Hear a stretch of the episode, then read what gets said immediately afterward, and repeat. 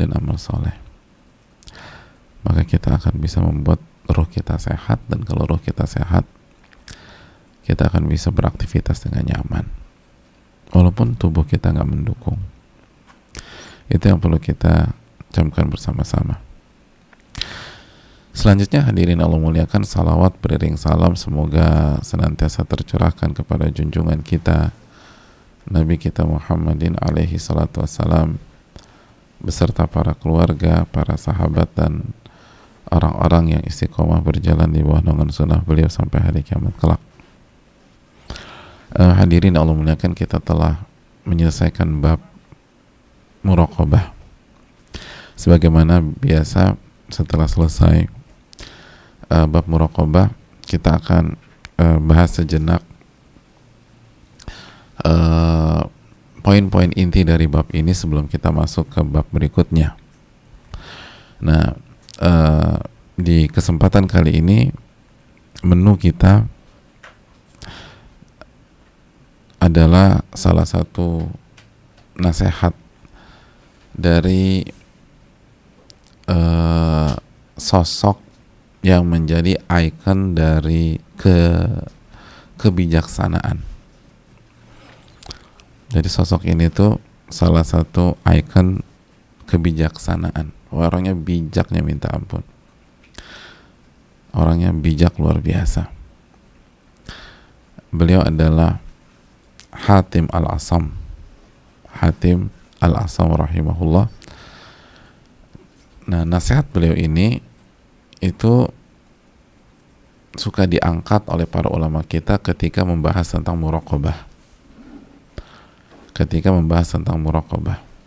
Karena ini nasihat ini mencakup semua pembahasan dan poin dari muraqabah, merasa diawasi oleh Allah Subhanahu wa taala. Nah, mari kita langsung masuk kata Hatim Al-Asam rahimahullah dan ini bisa dicek dalam Siyar A'lamin Nubala karya Al-Imam Al-Zahabi beliau mengatakan rahimahullah uh, tu'ahid nafsaka atau ta'ahad nafsaka fi thalath buatlah perjanjian dengan dirimu di tiga keadaan di tiga poin. Jadi buatlah perjanjian dengan dirimu itu dalam tiga kondisi. Dalam tiga kondisi.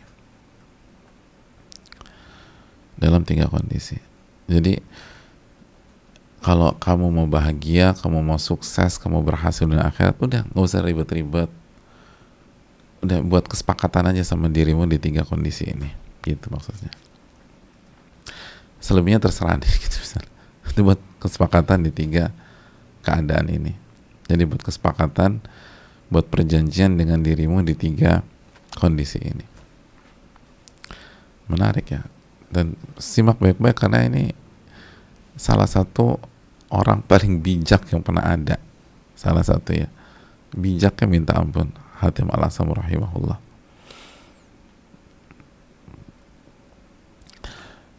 dan salah satu nasihat per, buatlah perjanjian buat kesepakatan dengan dirimu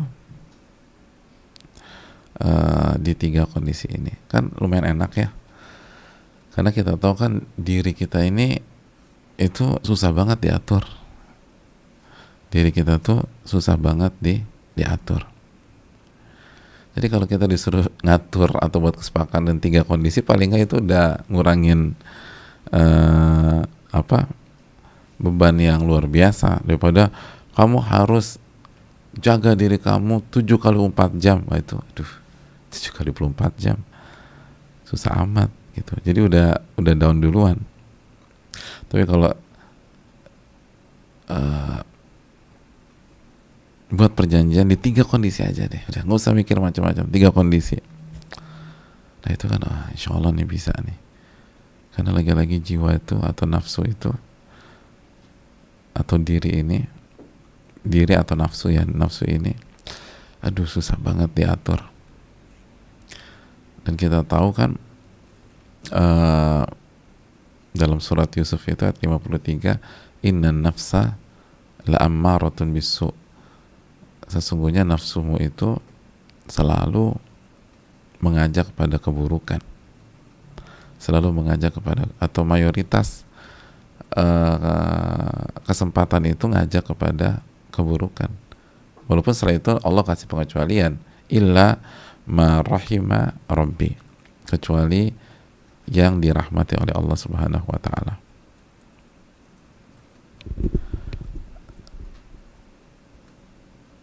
Ada kendala teknis ya? Enggak. Aman.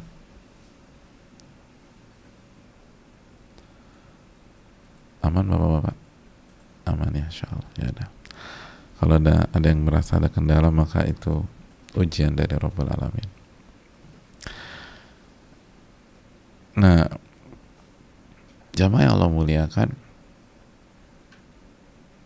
kembali ke tadi tuh kita di mana? Oh, surat Yusuf ayat 53. Jadi kan Allah Subhanahu wa taala menjelaskan inna nafsa la ammaratu bisu. Sesungguhnya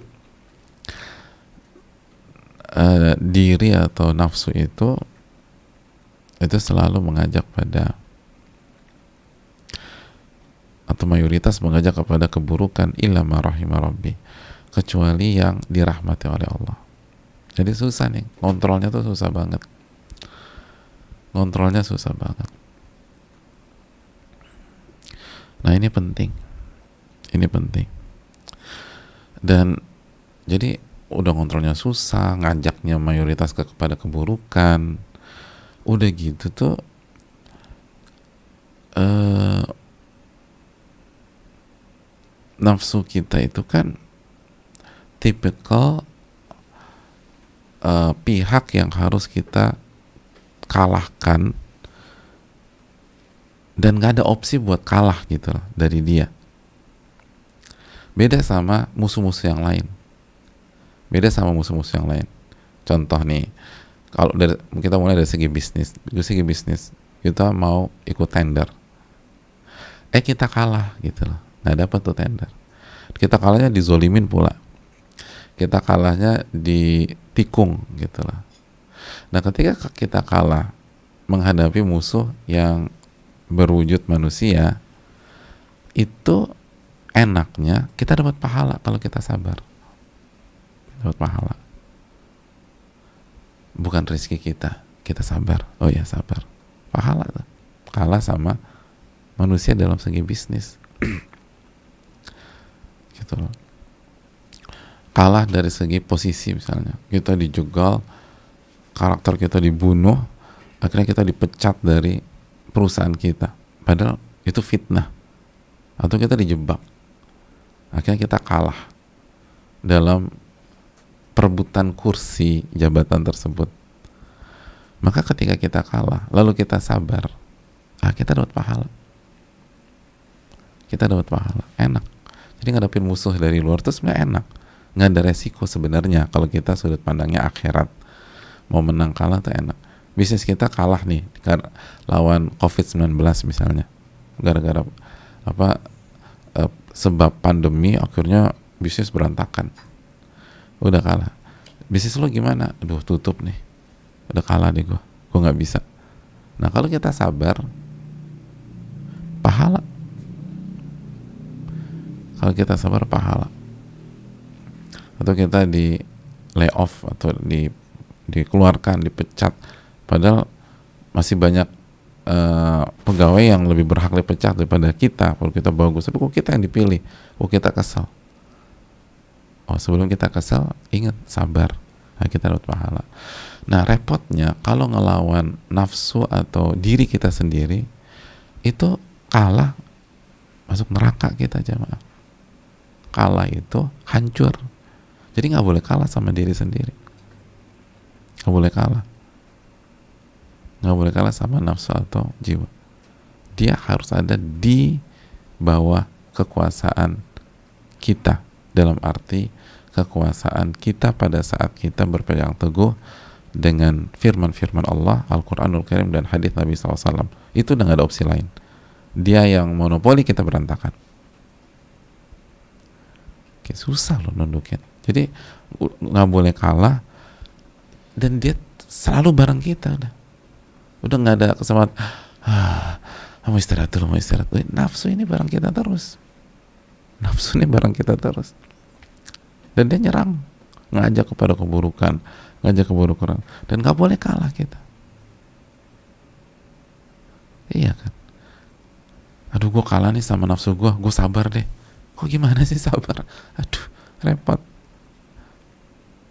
Lagi di luar gitu ngelihat wanita cantik bukan mahram kita terus nafsu kita udah minta nomor telepon ngajak ke date segala macam. Aduh kalah gue nih. Ya udah deh gue ajak.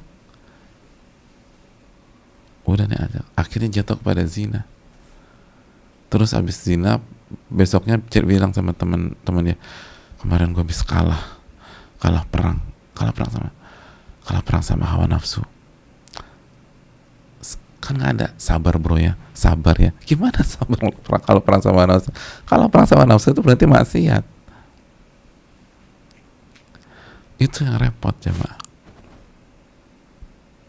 itu yang susah. Kalah sama yang lain tuh masih bisa sabar ya. Iya sabar insya Allah pahala pahala. Tapi kalau kalah sama nafsu udah nggak bisa. Kalah sama ego diri kita sendiri udah sengsara dan dia ngedok apa ngajak kita buruk itu ah, nggak uh, bosan-bosan. Makanya Allah katakan la ammaratun bisu la ammaratun bisu. Itu selalu ngajak pada keburukan. Atau secara umum ngajak terus kepada keburukan. Itu poinnya. Ya. poin yang barusan tadi itu disitir dari keterangan al-imam Al-Ajuri. Dalam kitabnya ada Nafas. Itu itu kita sitir kita ambil dengan perubahan sedikit. Dari keterangan Al-Imam Al-Ajuri bahwa kata beliau bedanya musuh yang satu ini nggak boleh kalah. Yang lain tuh kalau kalah peluang pahalanya besar. Dengan bersabar dengan ridho kepada takdir. Kalau ini kalah repot ini kalah repot aduh kemarin gue kalah lagi. Padahal gue udah tekad nggak minum-minum. Eh pasti tawarin gue nggak bisa nahan. Gue sabar di atas kekalahan ini. Nggak ada itu. Masa sabar di atas kekalahan? Itu sama aja sabar di atas maksiat. Nggak benar nah kembali lagi. Ya udah kalau gitu jaga tiga kondisi. Buat kesepakatan deh buat perjanjian sama dia di tiga kondisi kata Hatim al Asam apa tiga kondisi itu? Mari kita simak. Yang pertama kata al kata Hatim al Asam rahimahullah idza amilta fadhkur nazar Allah ilaik. Fadhkur nazar Allah ilaik. Yang pertama jika engkau beramal. Maka ingatlah penglihatan Allah yang senantiasa melihatmu. Jadi ketika kita lagi beramal, maka ingatlah, ajak hati ini ingat, ajak jiwa ini ingat, ajak nafsu ini mengingat bahwa Allah tuh melihat kita. Yang kedua, kata beliau, wa idza takallamta fadhkur sam'allahi mink. Dan kalau engkau lagi bicara, engkau lagi bicara atau kalau bahasa sekarang lagi ngetik pakai jempol atau pakai jari jemarimu di sosial media dan seterusnya ingatlah Allah Maha mendengar pembicaraanmu dan mengetahui apa yang kau ketik itu. Itu. wa idza sakatta lalu yang ketiga wa idza sakatta dan jika engkau diam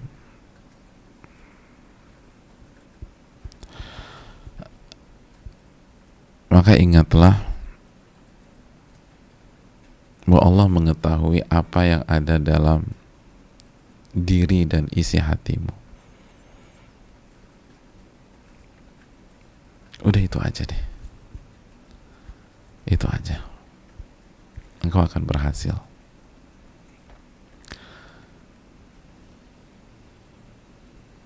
Simple kan? Jadi orang baik. Kesannya sih Pak Ustadz, tapi kayaknya berat juga. Ya udah buat tiga aja udah.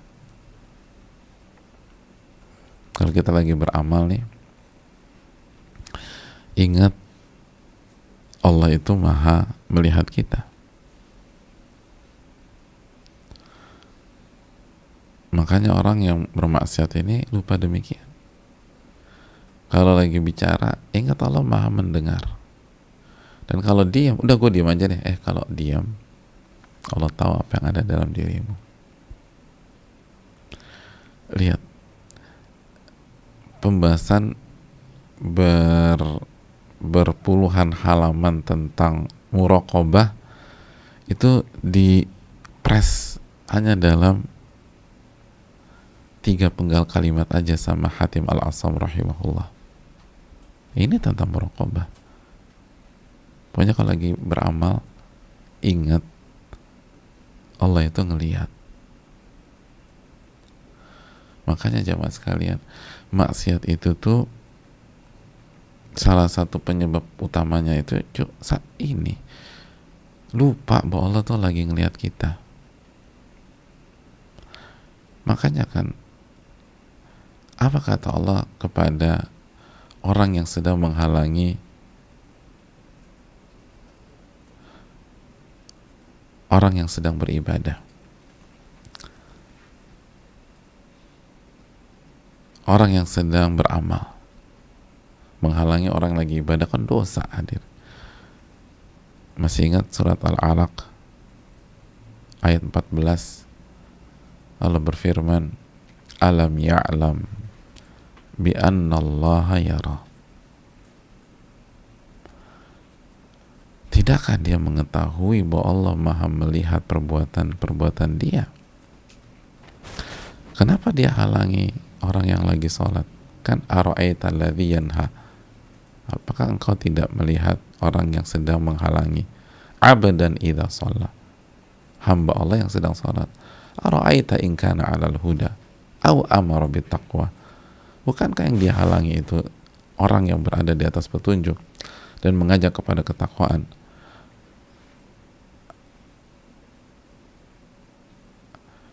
jadi kenapa dihalang-halangi?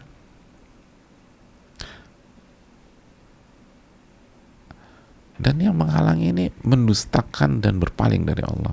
Baru penutupnya apa? Alam ya'lam bi annallaha yara. Tidakkah dia dia tahu Allah itu mau melihat dia? Semuanya Allah lihat. Semuanya Allah lihat. Sekali lagi yang membuat kita nggak perform nggak mantap nggak maksimal dalam ibadah. Apalagi nggak ibadah. Karena kita melupakan hal ini jamaah. Bahwa Allah melihat kita. Dan ini salah satu inti muraqabah. Ya simpel lah. Kita nih yang sekarang ikut lagi ikut kajian online. Mau di kajian ini atau kajian yang lain sama ustadz-ustadz kita yang lain. Nah, tapi kita bicara detik ini detik ini. Apa yang membuat kita misalnya sekarang ikut kajian sambil tidur-tiduran? Sambil rebahan? Sambil tengkurap? Sambil nungging? Lalu pakaiannya berantakan udah. Karena merasa nggak ada yang lihat gitu. nggak ada yang lihat ustadznya nggak bisa lihat nggak ada panitia kajian nggak ada teman-teman ya udah suka-suka aja deh. karena dia nggak merasa Allah lagi ngeliat dia. Coba kalau orang tuh kajian ini ini Allah lagi perhatikan saya nih. Oh semangat kita. Oh jaga sikap. Walaupun kita ikut kajian di kamar kita atau di kos-kosan kita atau di ruang uh, ruang belajar yang nggak ada siapa-siapa. Yang lain nggak ada udah. Tapi sikap kita persis kalau ikut kajian di masjid duduk paling depan depan ustadz kita. Itu gayanya sama udah. Udah begitu aja. Anteng gitu. Ada WA masuk nggak dibalas sampai selesai kajian. Kecuali kalau darurat gitu. Udah nggak terdistract apa pun mantap gitu. Yang membuat kita nggak nggak tampil bagus apalagi khususnya ketika lagi sendirian itu karena kita nggak merasa Allah melihat kita. Nggak ada siapa-siapa. Maka hadirkan perasaan ini. Lalu idza takallamta fadhkur Allahi minka. Dan apabila anda sedang berbicara coba ingatlah bahwa pendengaran Allah itu mendengar anda. Walaupun yang lain nggak dengar Allah dengar. Walaupun orang lain nggak bisa baca chat kita tapi Allah bisa baca chat kita.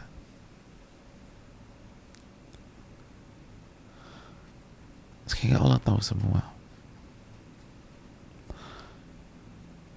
Dan sekali lagi jamaah hal seperti ini itu nggak gam nggak apa bukan hal aneh gitu loh.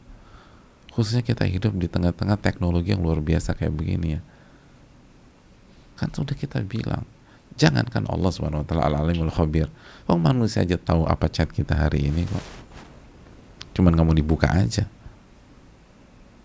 Nggak dibuka. Kalau sebagian pihak itu ngincar kita dibuka semua tuh apa yang kita lakukan dia tahu. Walaupun mau kita pakai password lah segala macam segala macam segala macam. Tahu jamaah. Tahu. Wow.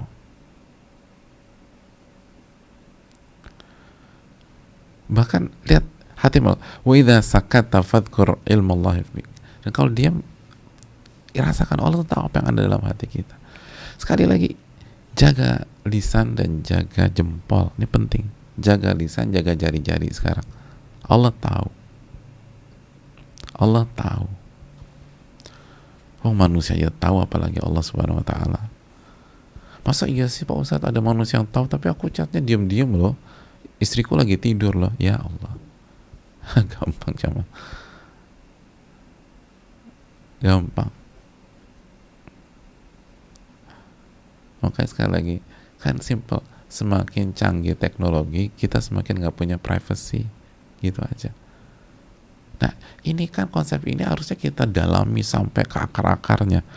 Bu karena Rob kita yang maha mengetahui dengan sesempurna, sangat sempurna, maka kita sebagai hamba tidak punya privasi di hadapannya.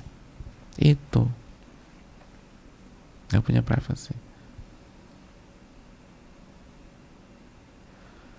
Gak punya privasi. Allah tahu.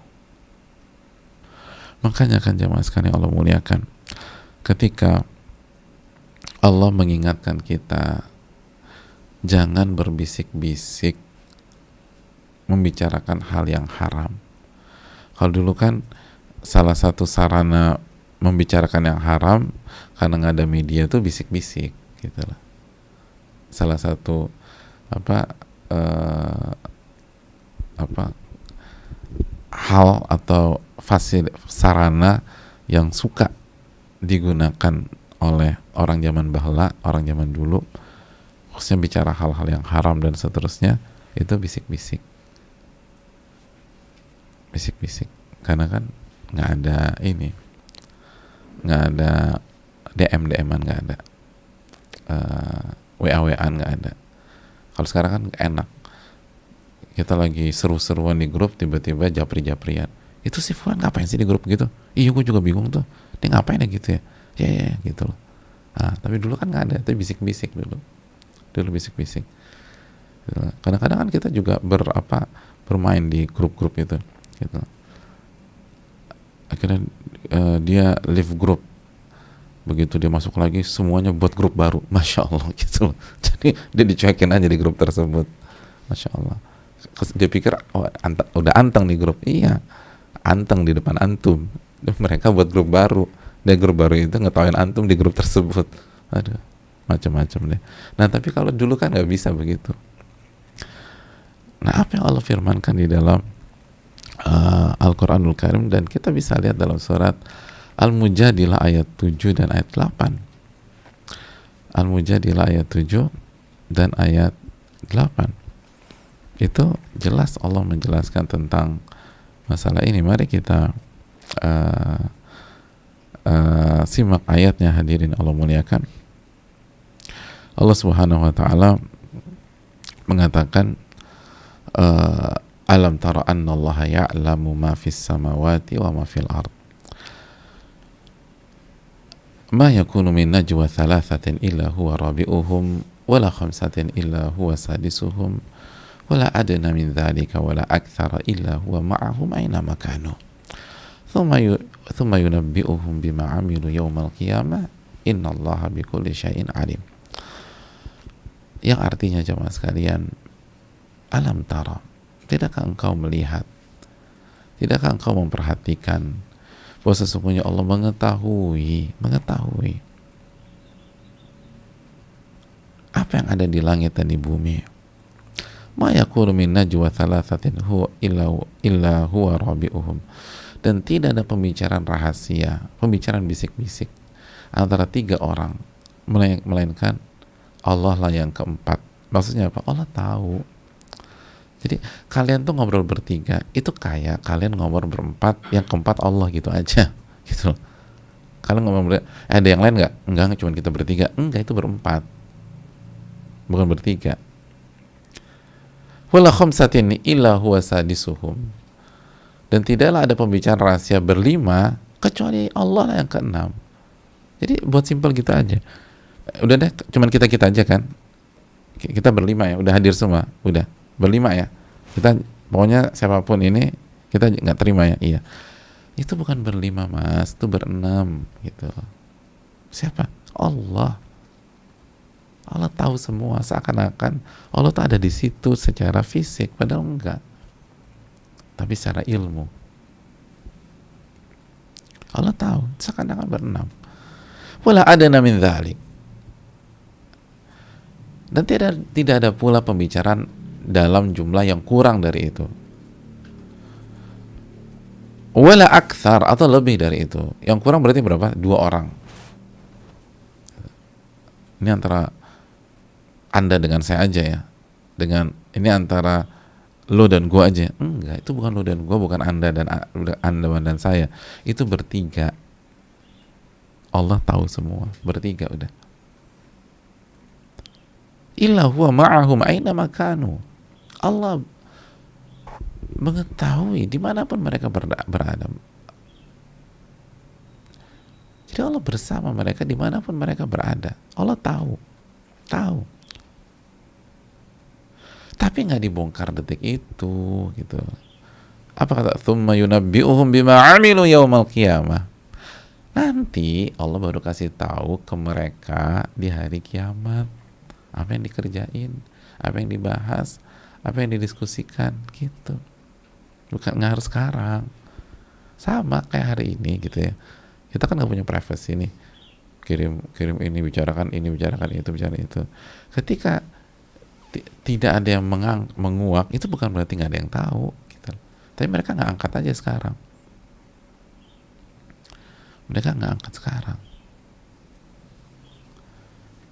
Itu yang perlu kita camkan. Kalau manusia bisa lakukan itu hari ini ya apalagi Allah lah subhanahu wa ta'ala. Inna Allah bikulli syai'in alim. Allah maha mengetahui segala sesuatu. Itu artinya Pak Coba merasa diawasi lah oleh Allah itu poinnya Allah tahu loh hati-hati jaga WA jaga ketikan-ketikan kita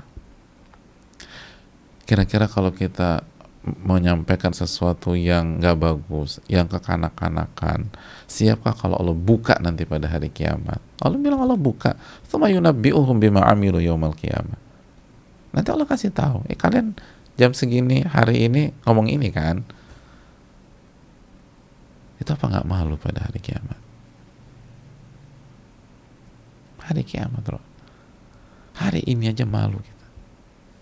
Hari ini kalau tiba-tiba besok ada yang buka pembicaraan kita yang yang apa yang misal bermasalah hari ini ya Allah tuh muka mau taruh di mana padahal insya Allah malu besok besok lusa masih ada kesempatan berubah minggu depan masih bisa kesempatan masih ada kesempatan untuk bangkit.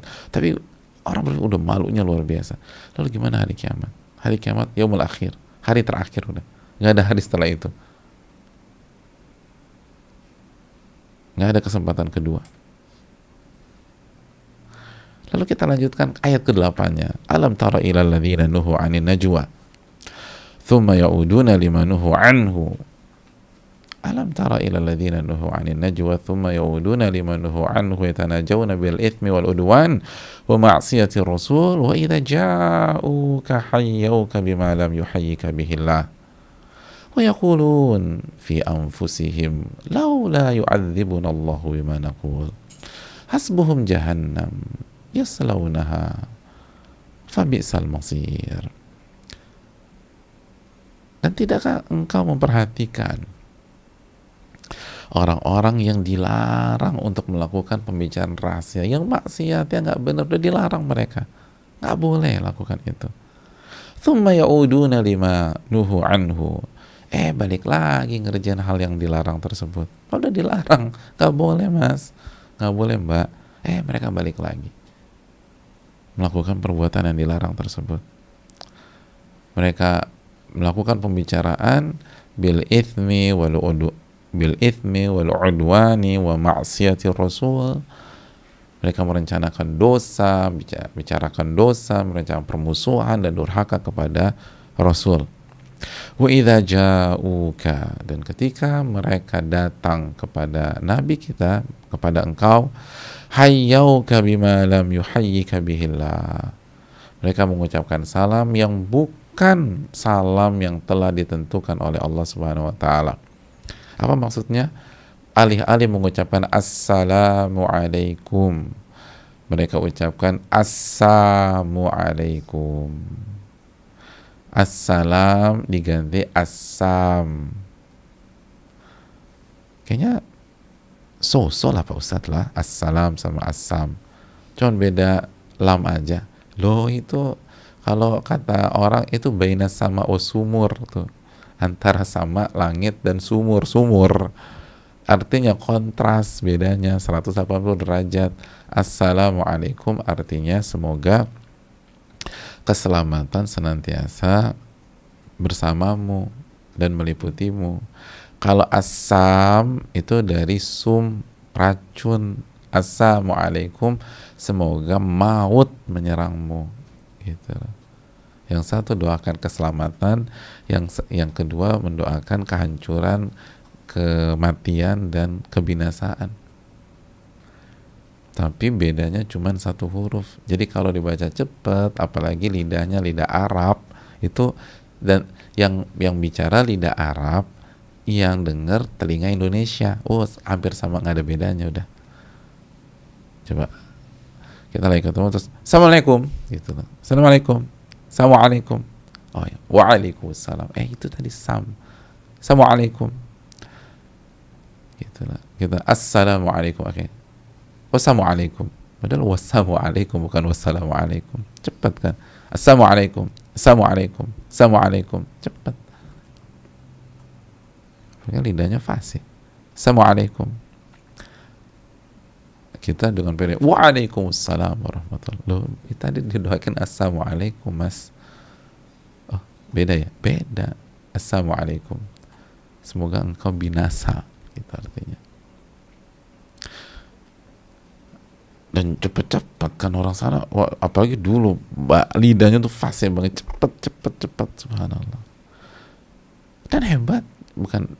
Dan Allah jelas eh Allah tahu loh anda plesetin itu lam jadi assalamu lamnya dihapuskan. Jadi langsung uh, alif mat asamu itu Allah tahu gitu loh. Allah tahu. Kalian ngerubah itu tuh Allah tahu. Gitu loh. Allah rubah itu Allah tahu. Eh mereka kalian rubah itu Allah tahu. Kalian rubah Allah tahu. Ya Allah kan harusnya kita jadi berpikir iya kita harus di, kita ini diawasi terus sama Allah. Kita mau buat trik. Mungkin orang yang depan kita nggak tahu. Kita permainkan dia. Tapi Allah tahu. Muraqabatullah merasa diawasi oleh Allah. Allah tahu. Gitu. Jadi Allah tahu uh, rapat rahasia mereka apa yang mereka bicarakan. Lalu ketika ketemu Rasul SAW Allah tahu mereka memelesetkan salam. Dan mungkin kalau kita ada di hari itu kita cengar cengir kali oh baik kalau saya kita kasih salam. Oh, Allah aja Allah tahu. Allah swt maha tahu. Jadi jangan bermain api karena bermain api itu berbahaya. Udah lempeng-lempeng aja lah hidup deh. Nggak usah depan belakang beda. Atau ada yang disembunyikan atau ini. Allah tahu. Allah tahu. Lalu kita lanjutkan sedikit lagi ayat ini.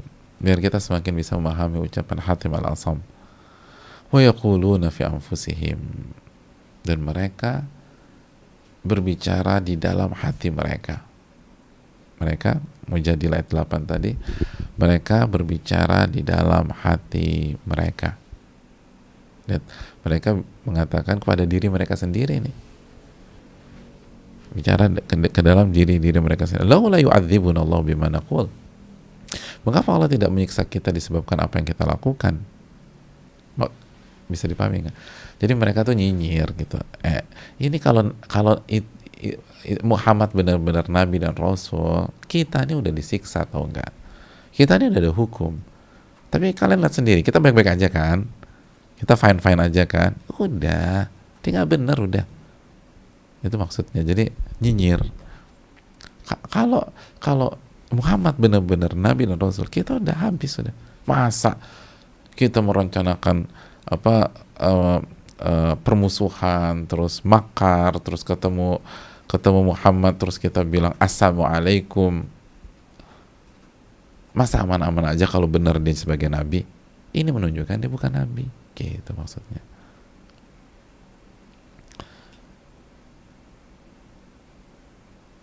Begitu mereka mengatakan demikian Allah kata hasbuhum jahannam yaslaunaha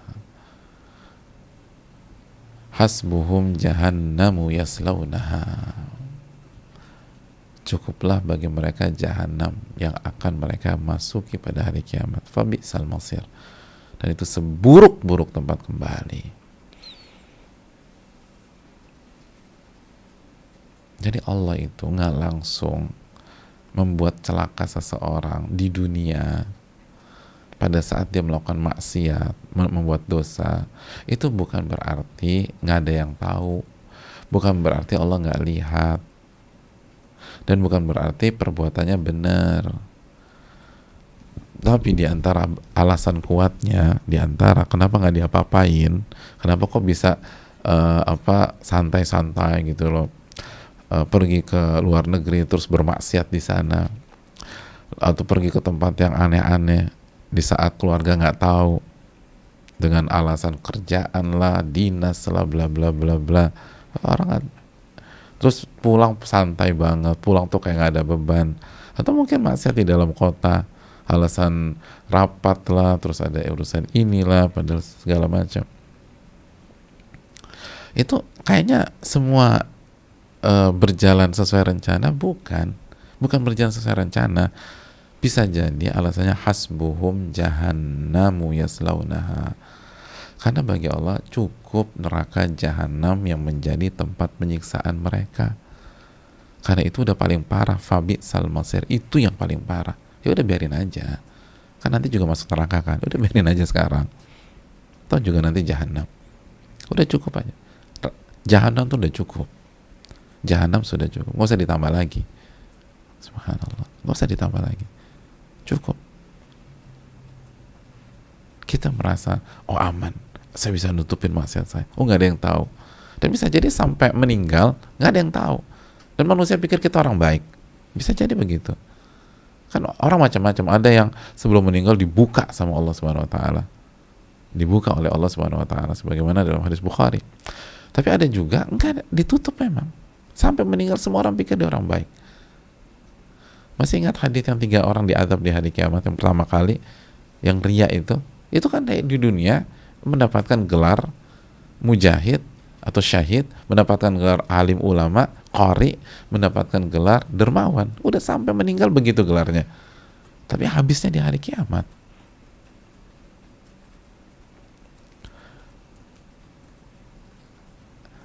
Hadirin, dalam perlombaan itu kan yang penting siapa yang senyum di garis finish. Bukan siapa yang ketawa di lap pertama, lap kedua, lap ketiga, lap keempat, lap kelima. Jadi jangan berpikir anda bisa ketawa di lap kelima, lap keenam itu adalah kemenangan dalam seri tersebut. Eh belum tentu. Atau banyak pembalap itu jatuh di lap terakhir, crash di lap, lap terakhir, udah selesai, nangis dia, pucat mukanya, pasti garis finish, marah bentung helm, nendang motornya, padahal cengar-cengir pasti lap pertama, lap kedua, lap ketiga, lap keempat. Makanya hasbuhum jahannamu yaslaunaha. Eh jangan berpikir kalian tuh kayaknya di apa di di uh, kalian nggak nggak dapat apa-apa itu berarti aman enggak nggak aman kita buka macam-macam dengan niat nggak bagus karena bisa jadi buka yang tanda kutip tapi sebagian orang melihatnya research, penelitian dan seterusnya dan dia bisa bertanggung jawabkan di hadapan Allah Subhanahu wa taala. Itu kasus beda. Tapi ini nggak ada. Dia tuh udah maksiat. Terus nggak ada yang tahu juga. Dan terus track record kita bagus aja di mata manusia. Ah, enggak, belum tentu. Hasbuhum jahannamu yaslaunaha. Mereka juga itu mereka jangankan itu itu mereka mengatakan kepada Nabi semoga celaka wahai engkau eh, celaka engkau wahai Nabi. Assalamualaikum. Nggak kesambal petir tuh di hari itu? Nggak kesambal geledek? Atau nggak dikutuk jadi kodok? Enggak. Bisa tetap aja biasa tuh. Karena belum. Ini belum selesai.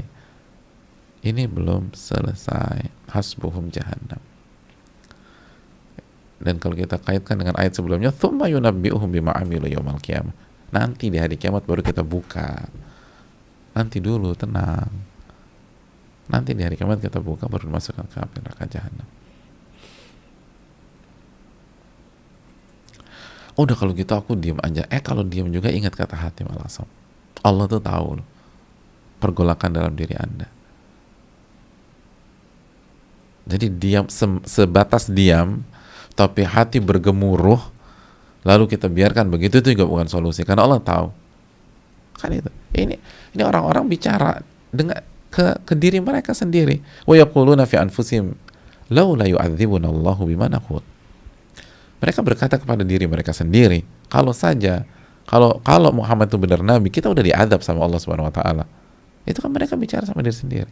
Nggak bicara ke Nabi, nggak bicara ke Abu Bakar, nggak bicara ke Umar. Bicara ke diri sendiri. Allah tahu.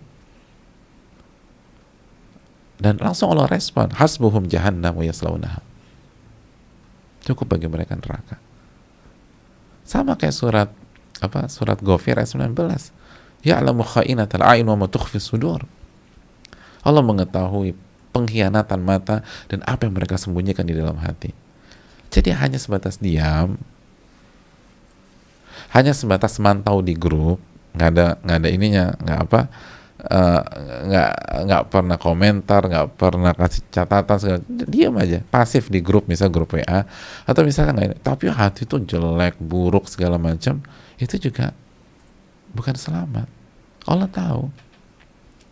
Kita merasa diawasi oleh Allah bukan hanya pada saat kita bicara pada saat kita diam kata hati malasom jadi diamnya kita harus setulus seperti kita bicara gitu loh. Kalau enggak itu bukan solusi diamnya kita bukan solusi. Kalau tetap hati kita kotor hati kita rusak hati kita benci sama orang enggak. Allah tahu. Makanya ulama mengatakan seperti para ulama kita seperti Saleh Utsaimin dan lain-lain ahli ilmu itu bil ilmi takallamu.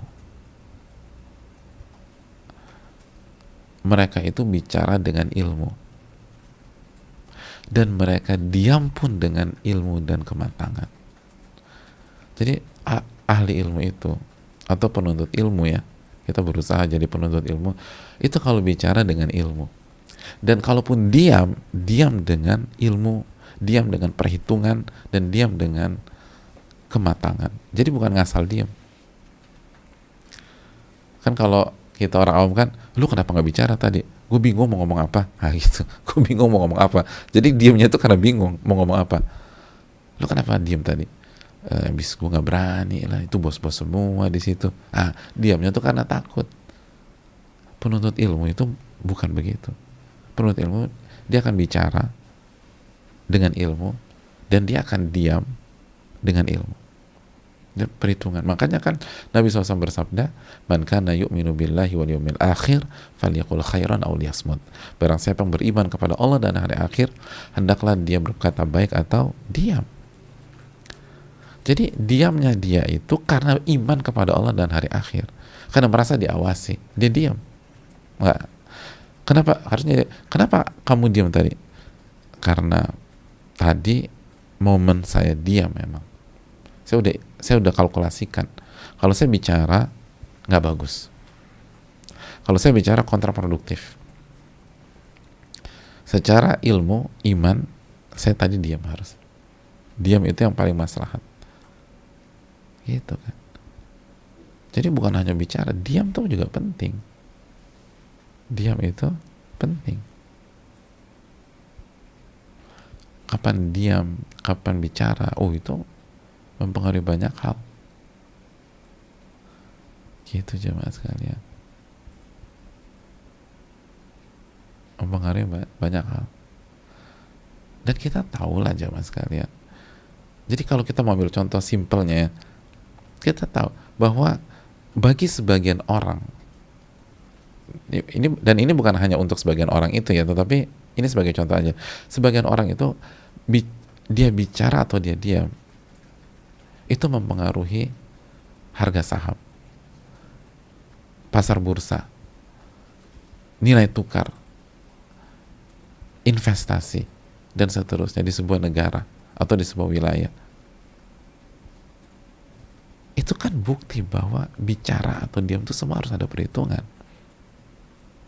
Nah, kalau itu skupnya makro, begitu juga skup skup mikro atau skup personal seperti kita oh kalau itu kan beda. Enggak sama. Tapi skupnya aja beda. Benang merahnya tuh sama. Nggak bisa ngasal. Jangan berpikir orang yang paling banyak apa namanya yang paling banyak diem di sebuah meeting itu dia paling selamat pada hari kiamat. Belum tentu. Belum tentu. Diem tapi hati bergemuruh dia kesel. Dia, dia orang ngom, ngomong apa sih? Nyebelin coba kalau gue berani gue habisin sama aja tapi ngomongnya di hati doang. Pokoknya keselnya di hati udah. Dari seles, dari sebelum mulai meeting sampai selama meeting ngomel terus di hati. Tapi di hati doang. Allah tahu loh. Allah tahu. Ya'lamu kha'inatal a'in wa matukhfi sudur. Allah tahu pengkhianatan mata dan apa yang Anda sembunyikan dalam hati. Itu tadi kata para ulama. Ahli ilmu itu kalau bicara pakai ilmu. Kalau diam pakai ilmu bukan karena takut. Bukan karena nggak nyaman. Bukan karena bingung. Nggak ngerti. Diam. Gitu. Kan begitu hadirnya Allah muliakan. Maka jika kita bisa terapkan ini dalam keseharian kita di maka itulah muraqabah. Kalau beramal ingat gitu Allah maha melihat kita kalau kita bicara Allah dengar gitu lah. Allah dengar. Mungkin orang nggak dengar Allah dengar. Kita bicara sama suami kita bicara sama istri.